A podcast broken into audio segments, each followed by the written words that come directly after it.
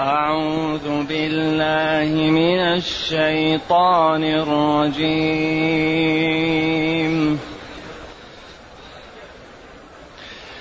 ذلك ومن عاقب بمثل ما عوقب به ثم بغي عليه. ثم بغي عليه لينصرنه الله. إن الله لعفو غفور. إن الله لعفو غفور. ذلك بأن الله يولج الليل في النهار ويولج النهار ويولج النهار في الليل وأن الله سميع بصير ذلك بأن الله هو الحق وأن ما يدعون من دونه هو الباطل وأن ما يدعون من دونه هو الباطل وأن الله وأن الله هو العلي الكبير. ألم تر أن الله أنزل من السماء ماء فتصبح الأرض فتصبح الأرض مخضرة إن الله لطيف خبير. له ما في السماوات وما في الأرض وإن الله وإن الله لهو الغني الحميد. ألم تر أن الله سخر لكم ما في الأرض والفلك تجري في البحر بأمره والفلك تجري في البحر بأمره ويمسك السماء أن تقع على الأرض ويمسك السماء أن تقع على الأرض إلا بإذنه إن الله بالناس لرؤوف إن الله بالناس لرؤوف رحيم.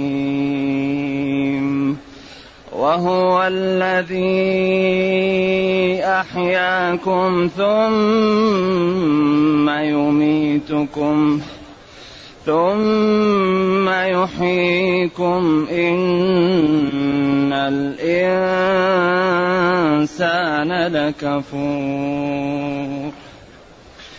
لكل أمة جعلنا من سكنهم ناسكوه فلا ينازعنك في الأمر فلا ينازعنك في الأمر. وادع إلى ربك وادع إلى ربك إنك لعلى هدى مستقيم. الحمد لله الذي أنزل إلينا أشمل كتاب وأرسل إلينا أفضل الرسل وجعلنا خير أمة أخرجت للناس. فله الحمد وله الشكر على هذه النعم العظيمة والآلاء الجسيمة. والصلاة والسلام على خير خلق الله وعلى آله وأصحابه ومن اهتدى بهداه. أما بعد فإن الله تعالى يبين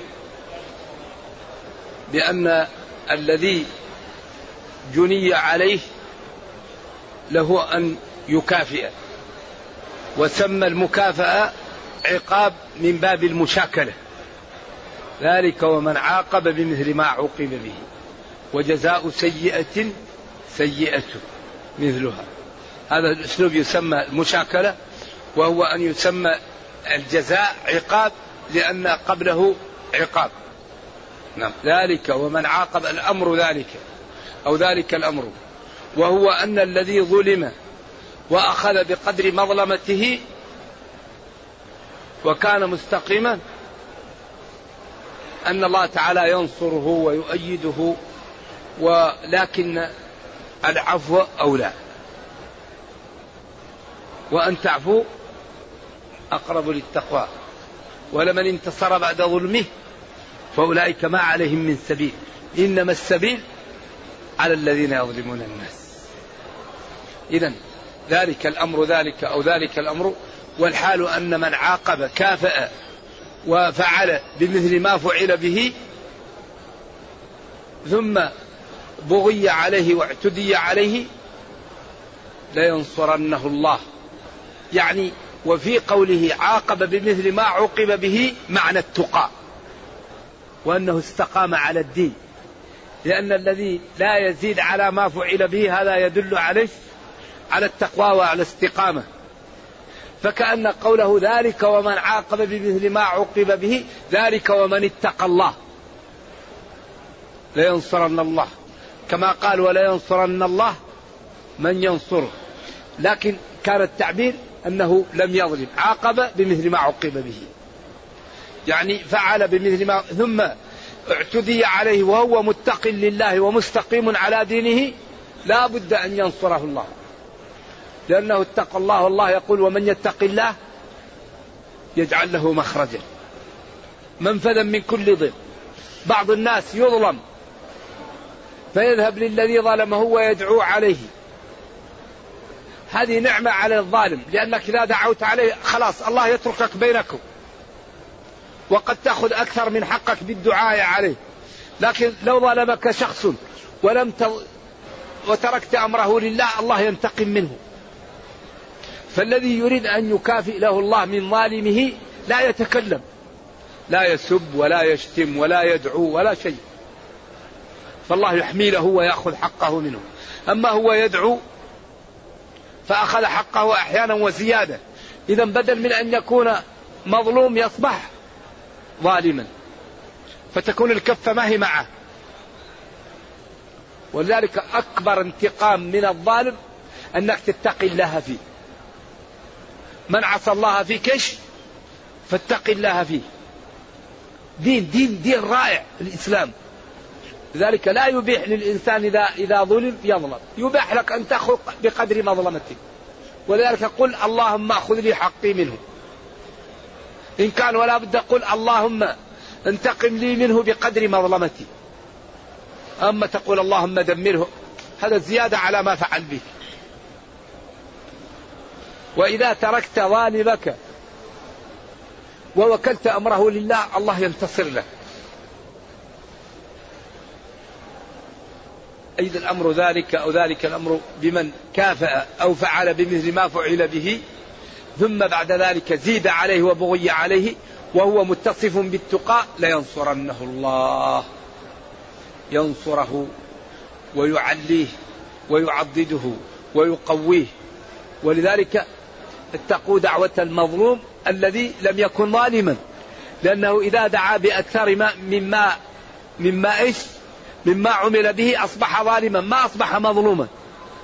واتقوا دعوة المظلوم فإنه ليس بينها وبين الله حجاب. إن كان ولا بد أدعو بقدر مظلمتك لكي يستجاب لك. لينصرنه الله ولذلك الله ينصر رسله. وينصر عبيده وينصر من نصر الله من نصر دينه واتبعه. ولا ينصرن الله من ينصره. إن تنصروا الله ينصركم ويثبت أقدامكم. والله لا يخلف الميعاد وقوله الحق. إن الله تعليل لقوي.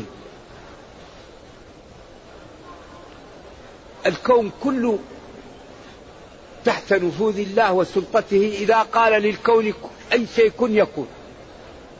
عزيز غالب. فعبده جبريل قال له ارفع قرى قوم لوط على جناحك واقلبها. هذا عبد من عباده.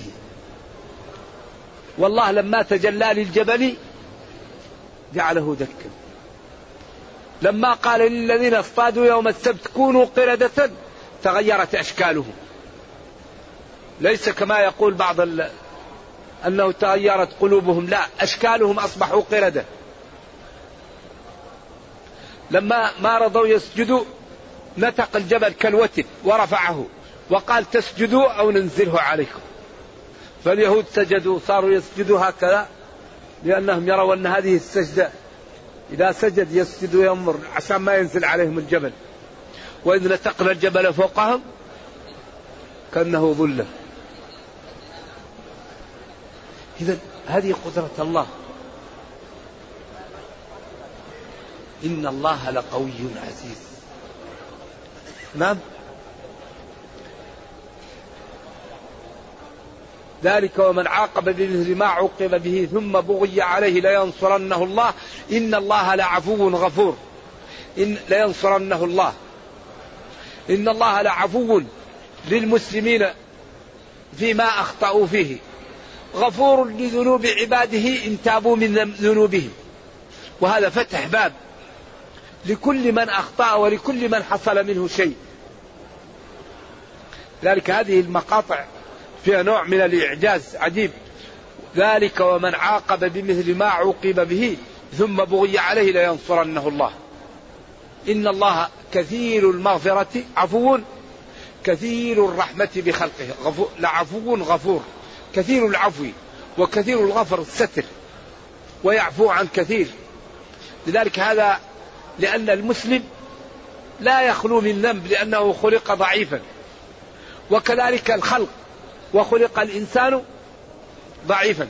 فإن تابوا تاب الله عليهم. وهذا فتح لباب التوبة والرجوع عن الذنوب. وفيه أيضا تأنيس للمسلم. لأن العبد إذا تيب عليه تنشط للطاعة وفرح. أما إذا لم يتب عليه كان ذلك مدعاة لقلة الإنتاج. ذلك بأن الله قادر. ولينصرن الله من ينصره وهو كثير المغفرة والرحمة لأنه قادر وعبر عن القدرة بقوله يولج الليل في النهار ويولج النهار في الليل. لأن هذا أكبر قدرة. ولينصرن الله من ينصره لأنه قادر جل وعلا ومن براهين قدرته إيلاجه في الليل وإلى والنهار. كون الليل يزيد وينقص وفجأة يدخل الليل في النهار فيظلمه وفجأة يدخل النهار في الليل فيضيئه. ولذلك لو جاء أهل الدنيا كلهم واجتمعوا ليضيئوا الأرض ساعة لا يستطيعون. لو جاءوا ليظلموا الأرض ساعة لا يستطيعون. ولذلك امتن عليهم بالليل والنهار لأن النهار محل للعيش والتحرك والليل محل للراحة والنوم. أرأيتم إن جعل الله عليكم الليل سرمدا إلى يوم القيامة؟ من إله غير الله يأتيكم بضياء؟ إن جعل الله عليكم النهار سرمدا إلى يوم القيامة من إله غير الله يأتيكم بليل؟ ومن رحمته جعل لكم الليل والنهار. لتسكنوا فيه أي الليل ولتبتغوا من فضله أي في النهار. إذا الله قادر. والقادر تكون العلاقة به على ما شرع. الذي يقدر تنفذ أوامره تجتنب نواهيه تعرف أحكامه يعرف ماذا يطلب من خلقه. ولله المثل الأعلى. لو جاء لأحدنا خطاب من أكبر مسؤول في البلد. أكبر مسؤول في البلد أرسل لك خطاب. أليس هذا الخطاب تحاول أن تفهمه؟ وتحاول أن تعرف ما لا يريد منه؟ طيب هذا القرآن خطاب لكل واحد منا. ينبغي أن نفهمه. وأوحي إلي هذا القرآن لأنذركم به ومن بلغ. أولم يكفيهم أنا أنزلنا عليك الكتاب يتلى عليهم فأجره حتى يسمع كلام الله. طيب هذا القرآن خطاب من الله ورسالة لكل واحد منا. أليس حري بنا أن نقرأه أن نتأمله أن نتدبره؟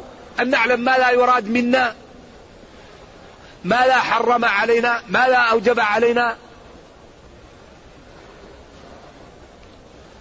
المسلمون عندهم موهبة في تضييع الفرص.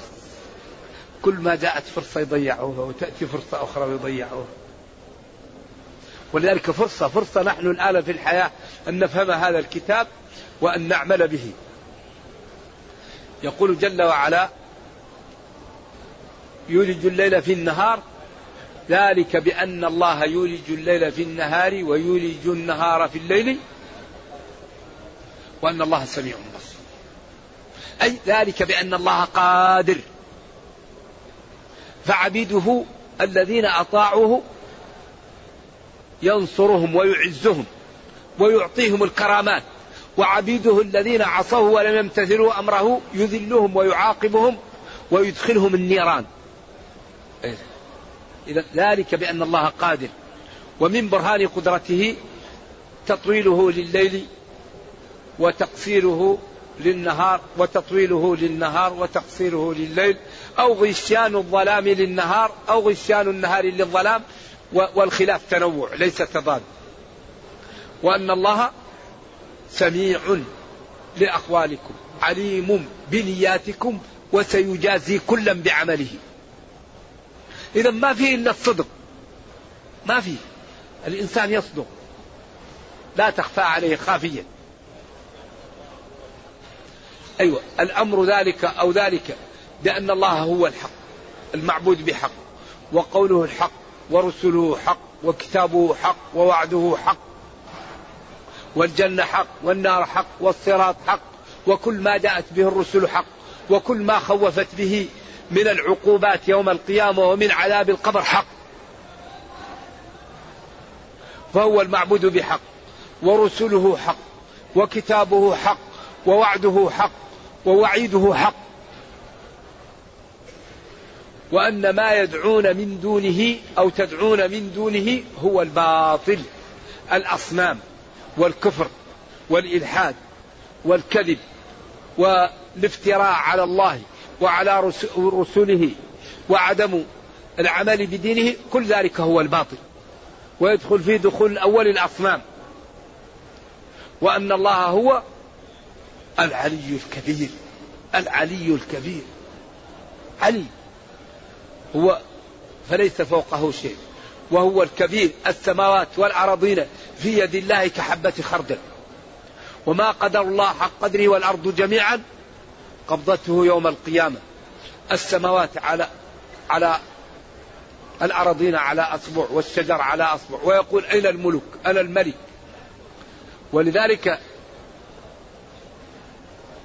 كثير من المسلمين يقعون في تأويل صفات الله.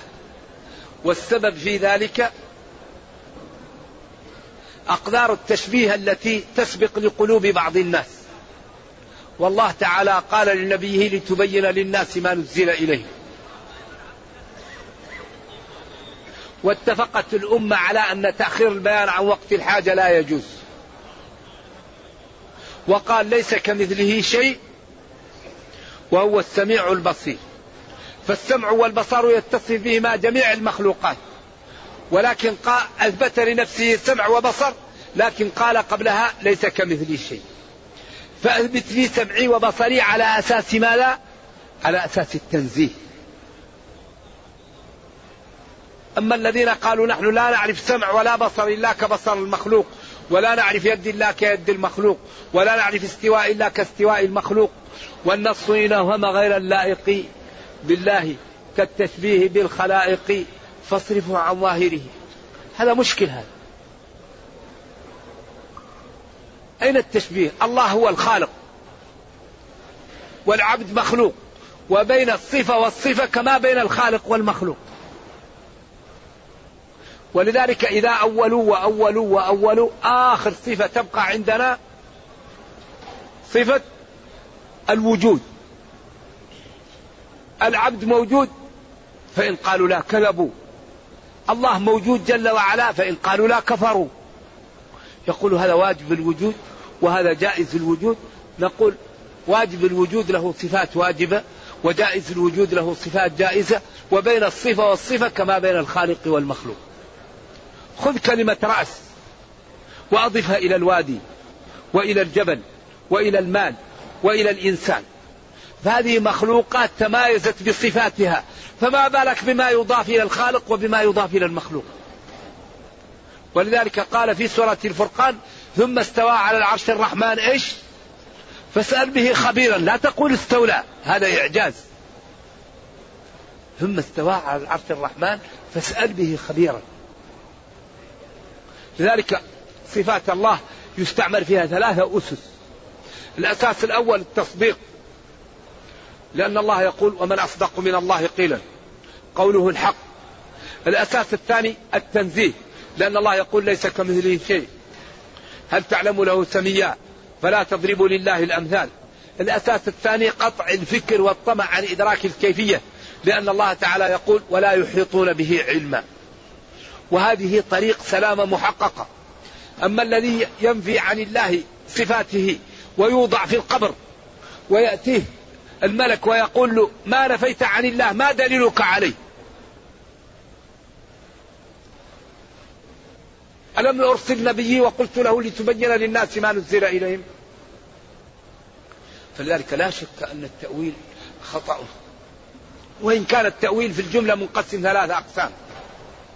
نعم. تأويل أوله السلف وتأويل اختلف فيه السلف وتأويل خطأ السلف فاعله. نعم. ولذلك حتى قال بعض العلماء هذا لا يقال له تأويل لأن التأويل صرف اللفظ عن المعنى الراجح إلى المعنى المرجوح. أما هذا أصلا لا, لا يمكن أن يراد منه. كما قال مرضت فلم تزرني. قال كيف تمرض وأنت رب العالمين؟ قال مرض عبدي. وقال يوم يكشف عن ساق. بعض السلف قالوا قام يكشف ربنا عن ساقه. وقال بعض السلف قامت الحرب عن ساق. أيوة نقطة الصفر. أما بل يداه مبسوطتان ينزل ربنا إلى سماء الدنيا لا تزال النار تقول هل من مزيد حتى يضع الرب فيها قدمه؟ فهذا ما قاله الله نقله. وما نفاه ننفيه وما سكت عنه الوحي.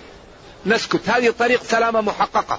لأنك إذا وضعت في القبر وجاءك الملك تقول لما أثبتت لي بصري؟ تقول لأنك قلت أنك أنت السميع البصير. لما نزهتني؟ تقول لأنك قلت ليس كمثلك شيء فلا تضربوا لله الأمثال. لما قطعت فكرك عن إدراك كيفية اتصافه بصفاته تقول لأنك قلت ولا يحيطون به علما. إذا هذه أمور كثير من الفضلاء والشرفاء والعلماء أخطأوا في هذا الأمر والسبب ترجمة كتب اليونان.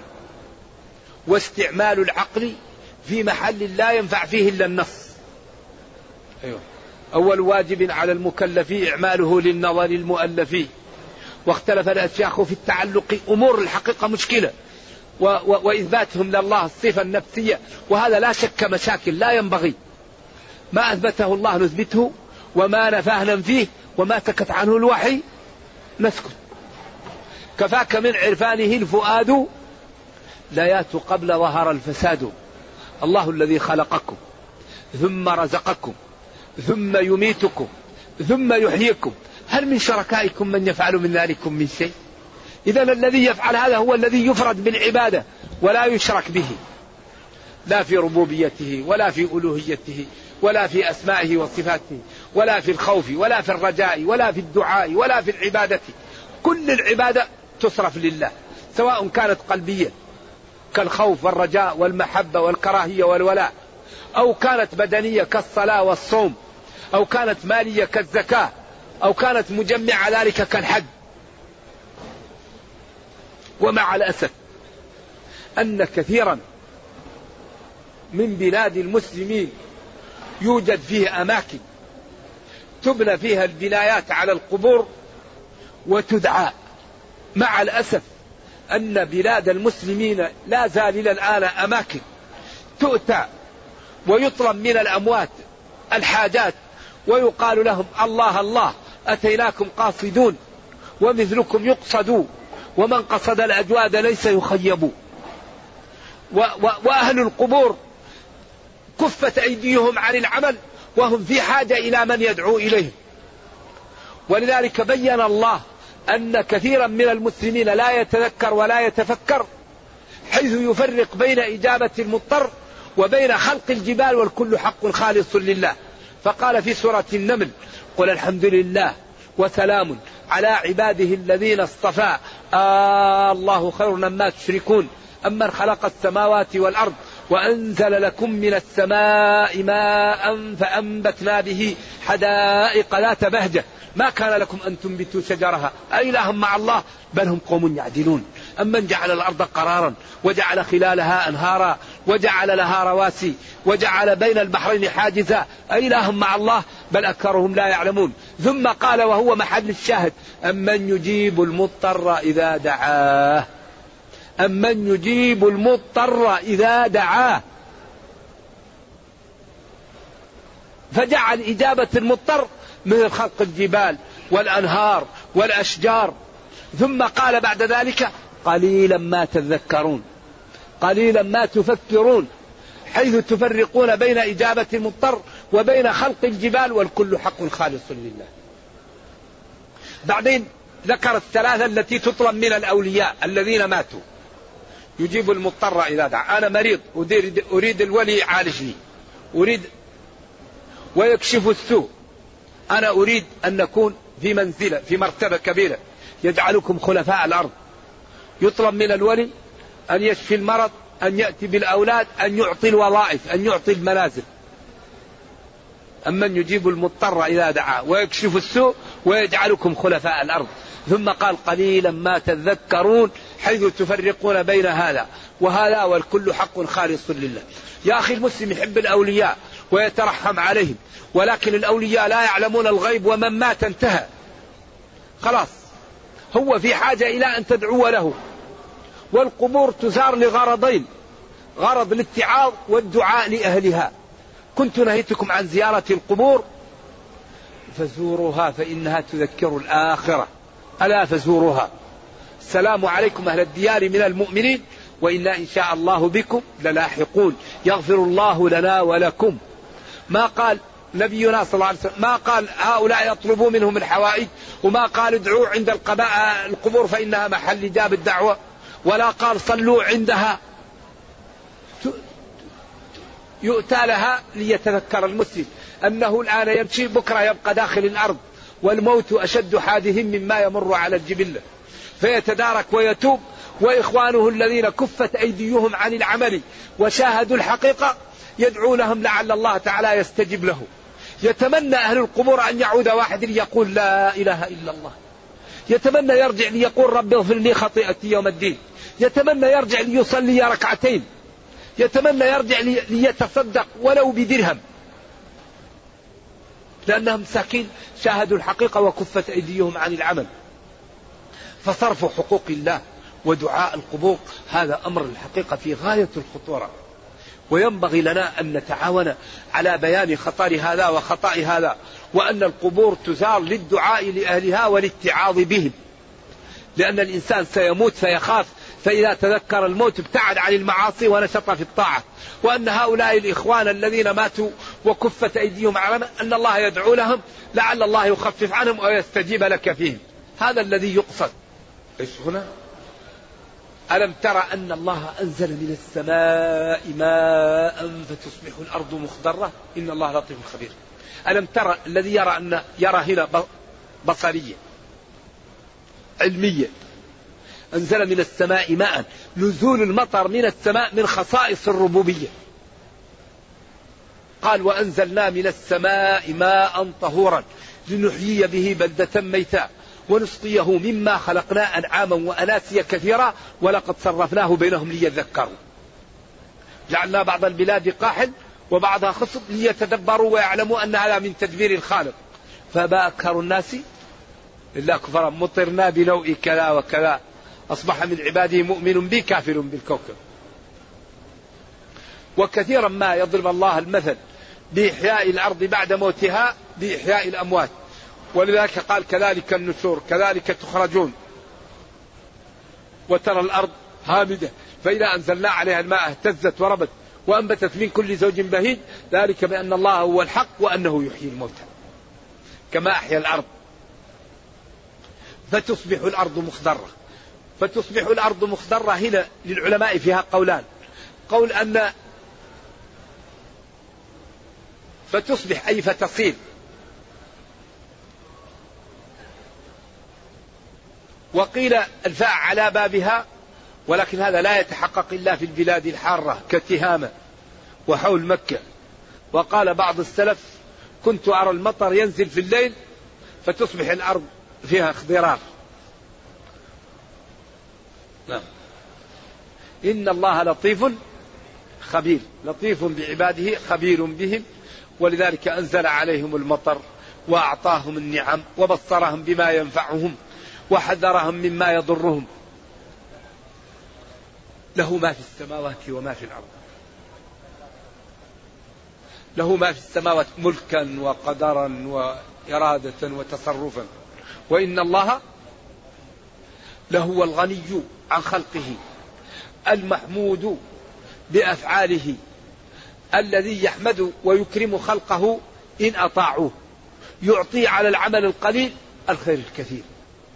وهو المحمود الذي يستحق المحامد لما أسدل لما أسبغ على خلقه من النعم وأسبغ عليكم نعمه ظاهرة وباطنة. ألم ترى أن الله سخر لكم ما في الأرض والبحر؟ سخر لكم ما في الأرض الإبل. تركبونها وتحملوا أثقالكم إلى بلد لم تكونوا بالغيه والبحر الفلك تجري فيه. والآن الطائرات وإيش؟ والبواخر. سخر لكم وجعل هذا الإنسان أكرم خلق الله عليه وأعطاه التصرف وخلق له ما في الأرض جميعا وأعطاه موارد العلم ليشكر ربه. ولكن الإنسان كفور هلوع وحملها الإنسان إنه كان ظلوما جهولا. لكن أكرم الناس الإنسان إذا استقام. ولقد كرمنا بني آدم. ثم رددناه أسفل سافلين إلا الذين آمنوا. إن الإنسان لفي خسر إلا الذين آمنوا. فالمؤمن أكرم الخلق على الله وأشرف البشر. ولكنه إذا استقام وعمل بطاعة الله فإن ترك طاعة الله يكون من أخس المخلوقات. نرجو الله السلام والعافية. ويمسك السماء أن تقع على الأرض إلا بإذنه. أن تقع في إعرابها قولان للعلماء. إما في محل مفعول به عن أن تقع. ويمسك, السماء عن أن تقع. وعد لازما بحرف جر. أو يمسك السماء كراهية أو لأن لا تقع فيكون أن تقع مفعول لأجله.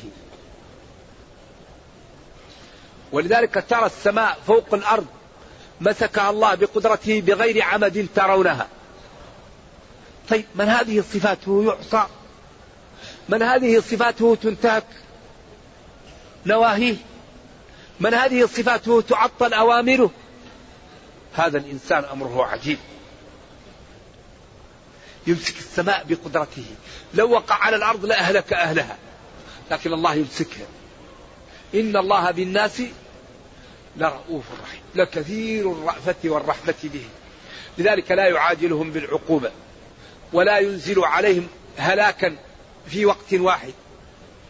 ويؤجلهم ويبين لهم ويرحمهم في الدنيا. مسلمهم وفاجرهم مؤمنهم وكافرهم كبيرهم وصغيرهم. كل الخلق يرحمه الله ويرزقه. وهو الله الذي أحياكم ثم يميتكم لا غيره. إن الله بالناس هو الذي أحياكم أول ثم يميتكم لأنهم أول كانوا عدم أو نطف فأحياهم ثم يميتهم ثم يحييهم بعد ذلك.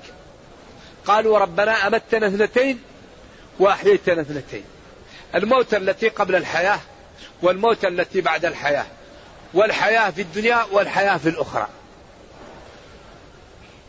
إن الإنسان لكفور فعول صيغه مبالغة لكثير الجحود لنعم الله وآلائه. يكفر. ثم بين وعاب كفار قريش لأنهم قالوا كيف لا تأكلوا الميتة ولا تأكلوا إلا ما ذبحتم؟ فقال لهم لكل أمة جعلنا منسكا. أي مكانا للعبادة ومكانا للذبح وطريقة للعبادة هم فاعلها هم ناسكوها. أو مألفا ومكانا يألفونه هم فاعلون فيه ذلك للنسك وللسكنان فالمنسك العبادة والذبح والمحل الذي يؤلف فهو مشترك بين هذه. والمقصود به هنا بيان أن النبي صلى الله عليه وسلم على الحق وأن كفار قريش هم على الباطل. فلا ينازعنك في الأمر. وأن ما ذبح ما مات ذبيحة الله وأن ما ذبح ذبيحتك أنت وأن الذي ذبح الله يكون أحسن من ذبيحتك. فلا ينازعنك في ذلك. وادع إلى ربك بما أنزل عليك ربك وبالحجج والبراهين الساطعة.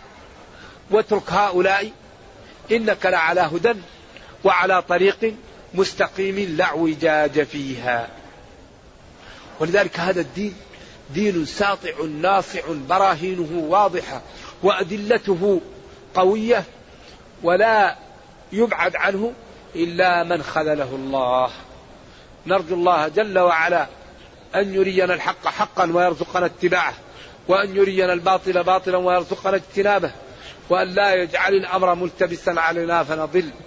اللهم أصلح لنا ديننا الذي هو عصمة أمرنا وأصلح لنا دنيانا التي فيها معاشنا وأصلح لنا آخرتنا التي إليها معادنا واجعل الحياة زيادة لنا في كل خير والموت راحة لنا من كل شر. اللهم إنا نسألك من خير ما سألك منه محمد صلى الله عليه وسلم ونعوذ بك من شر ما استعاذك منه محمد صلى الله عليه وسلم. اللهم اختم بالسعادة آجالنا واقرم بالعافية غدونا وآصالنا. واجعل إلى جنتك مصيرنا ومآلنا يا أرحم الراحمين. اللهم ربنا أتنا في الدنيا حسنة وفي الآخرة حسنة وقنا عذاب النار. سبحان ربك رب العزة عما يصفون وسلام على المرسلين والحمد لله رب العالمين. والسلام عليكم ورحمة الله وبركاته. يقول ما حكم استخدام الدهان والكريمات الطبية بالنسبة للمحرم؟ وهل يمكن للمرأة المحرمة استخدام الدهان لحماية من أشعة الشمس وقناع شمسي هذه الدهانات الأولى تركها لأن الشعث في الحد مطلوب. لكن إذا كان دهان لا يوجد فيه رائحة طيب ويمنع أشعة الشمس من أن تحرق الوجه لا مانع منه. نعم. لا مانع من ذلك. لكن الأولى الابتعاد عنه لكن يجوز. وقناع شمسي إذا كان القناع هذا يوضع على الوجه أو أو أشار الطبيب أنه إذا لم يعمله يتضرر يستعمله. إذا كان فيه ضرر به. نعم. إذا لم يكن فيه ضرر الأولى لا يستعمل القناع. نعم. لماذا التمتع أفضل الأنساك الذين يقولون إن التمتع أفضل الأنساك بقول النبي صلى الله عليه وسلم لو استقبلت من أمري ما استدبرت لما سقت الهدي ولجعلتها عمرة. ولأمر الصحابة بأن يفسخوا الحج إلى العمرة. أيوة فالذين يقولون إن التمتع أفضل لأن النبي صلى الله عليه وسلم أمر به. وقال إنه لو لم يسق الهدي لجعل قرانه وحجه عمرة وأمر أصحابه أن يحلوا. ولكن هذا لمن يأتي بعمرة بعد الحج. أما الذي يأتي بعمرة مستقلة ويأتي بحج مستقل عند الجميع الأفضل له الإفراد لقوله تعالى وأتم الحج والعمرة إلا إلا طائفة قليلة. لقوله تعالى وأتم الحج والعمرة إلا فهذا اختيار مالك والشافعي والإمام أحمد. وشيخ الإسلام بن تيمية لأن الذي يأتي بسفر مستقل للحج ويأتي بسفر مستقل للعمرة الأفضل له الإفراد وهو الذي كان يأمر أبو بكر الناس به ويأمر عمر الناس به ويأمر عثمان الناس به. أما الذي يسوق الهدي فالأفضل له القران. إذا يمكن نقول أن الأنساك الثلاثة كل منها فضيل باعتبار. الذي يعمل عمرة من التنعيم ويتحاشى أن يذبح لأهل مكة. الأفضل له التمتع. والذي يسوق الهدي أفضل له القران. والذي يأتي بعمرة مستقلة للحج وسفر مستقل يأتي بسفر مستقل للحج وسفر مستقل للعمرة الأفضل له الإفراد. ويكون كل منهم فاضل باعتبار والله أعلم. يقول عندهم مسجد في أوروبا يعمل فيه حفلات ويعمل فيه موالد. وهل يجوز أن نساهم في هذا المسجد وهو نعم ساهم في بناء المسجد وحاول أن تبين لهم بالرفق بعد أن توثقهم فيك أن الدين ما جاء عن الله. ساهم في بناء المسجد وساهم في إصلاح المسجد. وقل لهم فإن تنازعتم في شيء فردوه إيش؟ إلى الله والرسول.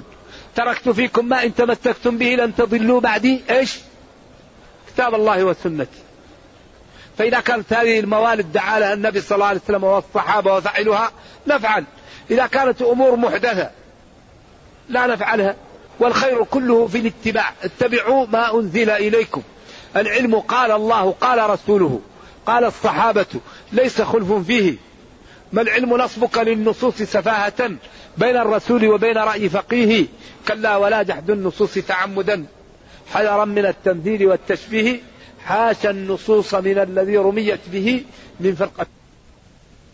وإذا كان ما تعمله صح أنا أعمله معكم. ولذلك أهم شيء التفاهم. ولذلك الإسلام كله دين إقناع. لا إكراه في الدين. وإن كنتم في ريب مما نزلنا على عبدنا فأتوا بسورة. ما قال فقد كفرتم. كل دين قائم على الإقناع قال كتب عليكم الصيام إيش؟ كما كتب على الذين من قبلكم. لعلكم تتقون أياما معدودات. يقول لهم أنا فرضت عليكم الصوم لكن أيام قليلة وهو مفروض على من قبلكم ويسبب لكم التقاء. ربنا كريم. إذا أمر يبين ويقنع ويوضح.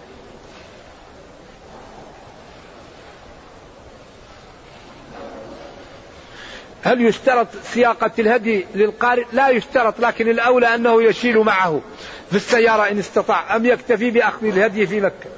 وإذا أخذه في مكة لا مانع لكن لو استطاع أن يأخذ سيارة ويحط فيها هدي ويأتي به معه هذا أفضل. هل التمتع أفضل ولا القراء كل منهم فاضل وأفضل باعتبار.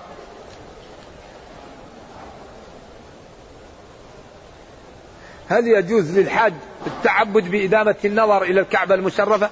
لا أعلم أن نظر الكعبة فيه عبادة لكن عبادة بالطواف في في الصلاة في قراءة القرآن في الركوع في السجود. أما النظر للكعبة لا أعرف فيه هذا لا. في انتظار الصلاة بعد الصلاة. العكوف في المسجد في في في, في أن الإنسان يعتكف ويبقى جالس. أما النظر لا أعرف فيه شيء. وما ورد لا أعرفه ثابت ما أعرف فيه شيء. هناك حديث أو غير حديث شك من السائل لا هو حديث. كل بدعة ضلالة. وحديث من سن في الإسلام سنة حسنة الحديث. من أحدث في أمرنا هذا ما ليس منه فهو رد. فالشبهة عندي هنا هي هم يقولون إذا الكل في اللغة للعموم. هذا هو المشكلة. في بدعة لغوية وفي بدعة حقيقية. ولذلك لو ترجع إلى كتاب الشاطبي الاعتصام أو الكتب الموجودة في السوق في, في, في المبتدعات والسنن وفي البدعة وأنواعها وأشكالها تجد أن البدعة في هي في اللغة كل شيء مخترع مخترع. وفي الشرع إحداث شيء في الدين على غير مثال سابق. إحداث شيء في الدين البدعة لا تكون إلا في الدين وتكون على غير مثال سابق مع دواعيه السابقة. فالنبي صلى الله عليه وسلم جمع بهم في بالتراويح ليلة أو ليلتين. ثم الثالثة ثم خاف أن تفرض عليهم التراويح وهو صلوات الله وسلامه رئيف رؤوف رحيم بأمته. يحب لهم الخير ولا يحب لهم العنت كما امتنع من أن ينزع الماء من البئر من بئر زمزم حتى لا يكون سنة فيأتي للناس عنت من ذلك. فيترك بعض الأمور خوف من أن يفرض. فلما جاءوه الليلة الرابعة وحصبوه وكان في على حصير في الحرم قال أيها الناس إني رأيت مكانكم والحديث الصحيح. ولولا أني خشيت أن تفرض عليكم فصلوا في بيوتكم فصلوا في بيوتكم فإن صلاة المرء في بيته أفضل إلا المكتوبة. فعمر لما ارتفع انتقل النبي صلى الله عليه وسلم إلى الرفيق الأعلى وتوفي وخيف وأمن من أن تفرض وهو قال لولا أني خشيت أن تفرض عليكم فجمعهم نظرا لمصلحتي. كان كل واحد يصلي باثنين أو ثلاثة أو عشرة فجمعهم وقال نعمة البدعة يعني اللغوية لأنني أنا عملت لكم هذا ولكن النبي صلى الله عليه وسلم بينه وقال ولولا أني خشيت أن تفرض عليكم وقد جمعهم قبل ذلك وبين علة عدم قيامه بهم وقد زالت العلة فعاد الأمر. أما البدعة أنها تنقسم خمسة أقسام بدعة واجبة وبدعة مكروهة لا هذه ما هي البدعة وهذا خلاف. أما البدعة الحقيقية فهي كلها ضلال كل بدعة ضلال. أما هذا أما ذلك الذي يقول الرجل يأتي الفقير فيذهب واحد ويعطيه أول شيء فيذهب الناس فيعطوه هذه من سن سنة حسنة هو ابتدع هذا بدأ به لكن ما هو ابتدع لأن هذه سنة حسنة في الإسلام. ولا ينقص من أجور الذي يأتي بعده. إنسان سن سنة أن كل حافظ قرآن لا يعطى راتب أقل من ثلاثة ألاف. كيف معلم القرآن لا يعطى ما يكفي؟ وقال واحد هذه فالناس تبعته هذا سنة حسنة. كيف مدرس القرآن يكون راتبه لا يكفيه وهو يدرس كتاب الله. ينبغي أي واحد يحفظ القرآن ويعلم أن يجزى له حتى يكون مكفى. لأن هذا فيه إهانة حتى للقرآن. السائق يعطى أكثر مما يعطى مدرس القرآن. هذه تكون مشكل. الطبيب المهندس. ينبغي أن يكون أكبر واحد راتب الذي يحفظ القرآن. خيركم من تعلمش القرآن وعلمه. والخيرية لابد أن يكون لها شيء كمان في الدنيا كما كان عمر يعطي على المهاجرين لهم أكثر والذين بعدهم أكثر. كل ما كان الواحد أفضل يزيدوا وعلى كل حال المهم أن السنة الحسنة هو أن يبادر الإنسان بعمل الخير. واحد يكون كل يتيم لابد أن يمنح ويلطف به ويعطى ما يكفيه هذه سنة حسنة. الناس تتابع هذا. ناس مثلا يعمل. أي, أي, أي واحد فقير يحاول أن يأتيه بنفقته. فيتش... فيراه الجيران والأصدقاء فيتسننوا في... فيقتدون به ويكون له الأجر. والبدع لا خير فيها. وأخطر شيء في البدع أن صاحبها لا يتوب. واحد يأتي بأدعية ما وردت. ويجعلها سنة. واحد يأتي بصلاة ما وردت ويجعلها سنة. هذا مشكل. واحد يأتي بعيد ما ورد ويجعله سنة. أعياد المسلمين ثلاثة. عيد أسبوعي يوم الجمعة وعيد الفطر وعيد الأضحى. ولذا يحرم صيامهما. يحرم صيام يوم العيد ويحرم صيام يوم الفطر. ويكره صيام يوم الجمعة بمفرده إلا لرجل كان يصوم صوما. لأنه يوم عيد فلا يفرد بالصوم. هو ولا يوم السبت. لأنه أيضا للكفار أو للنصارى. لليهود قصدي. هذا يسأل سؤال شوية يقول قال رسول الله صلى الله عليه وسلم اللهم لا تجعل قبري وثنا يعبد. دعاؤه مستجابة. إذا أنما الناس اليوم من البكاء عند القبر وطلب جميع الحوائج ليس من عبادة قبره. وإنما جعل واسطة بينه وبين الله لأن النبي صلى الله عليه وسلم نهى عن التكرار للقبر لا تجعلوا قبري عيدا تزوروه وبعضهم أول هذا. وابن عمر كان إذا جاء يقول السلام عليك يا رسول الله السلام عليك يا أبا بكر. السلام عليك يا أبتي وينصرف صلى الله وسلم عليه. ف ف فينبغي أن نتبع السنة.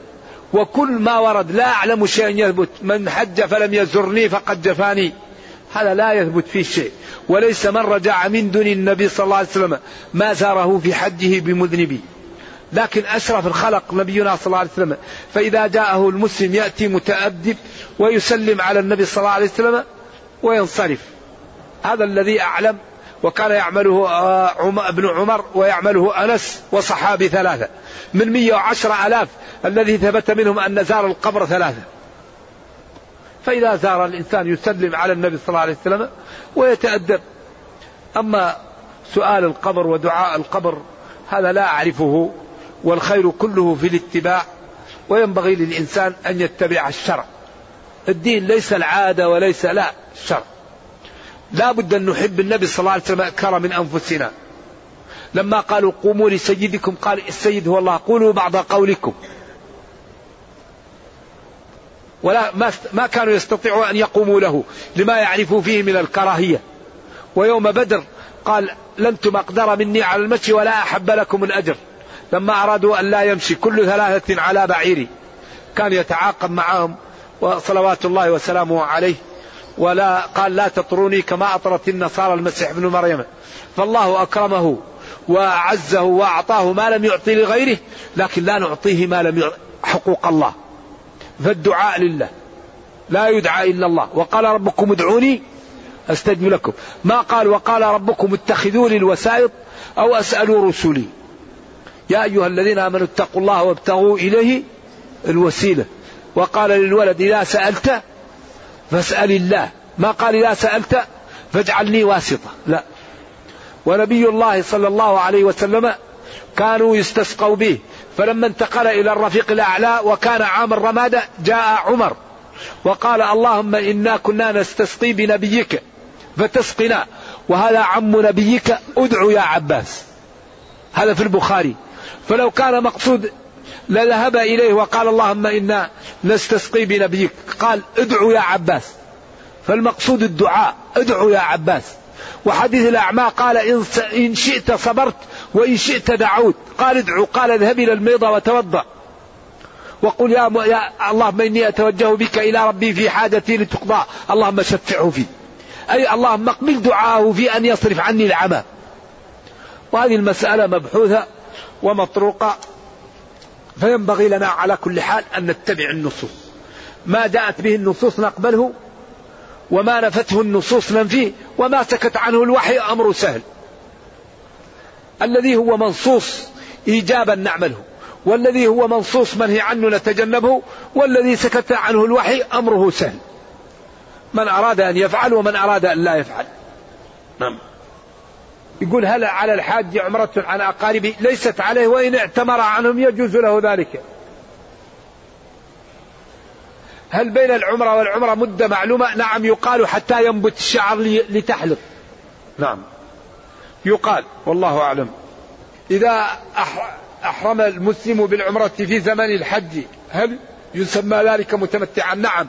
التمتع هو أن يحرم الآفاقي بعمرة ويعملها ويبقى في مكة ويطلع من مكة للحج. لأن التمتع هو بقائك متمتع بالبيت وبمكة والسكنى فيها بعد إنهاء العمرة ثم تخرج إلى الحج. والقران تمتع لأنك جعلت النسكين في محل واحد فتمتعت بالاختصار وعدم الذهاب لإيش؟ للمواقيت لتأتي بالحج جديد. فالقران تمتع والتمتع تمتع وكل منهما لازم لصاحبه من أن يذبح ما يجزئ في الأضحية. فمن تمتع بالعمرة إلى الحج فما استيسر من الهدي. ذلك لمن لم يكن أهله حاضر المسجد الحرام. أما من كان من أهل مكة فلا يلزمه الهدي أو ليس له تمتع لا يلزمه التمتع. على القولين.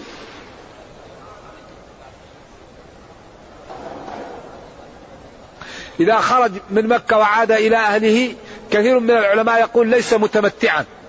نعم. هل يجوز للمتمتع بالحج أن يسعى للحج قبل يوم الثامن؟ نعم إذا عمل. إذا كان قادما. لا المتمتع يأتي بالسعي بعد بعد طواف الإفاضة لأنه ما عليه سعي قدوم لأنه يحرم بالحج من مكة. المتمتع الذي ينشئ الحج من مكة لا يعمل السعي إلا بعد طواف الإفاضة أو طواف الوداع. أما الذي يعمل سعي قبل طواف غير مطلوب الجمهور يقول لا يكون سعي إلا بعد طواف مطلوب.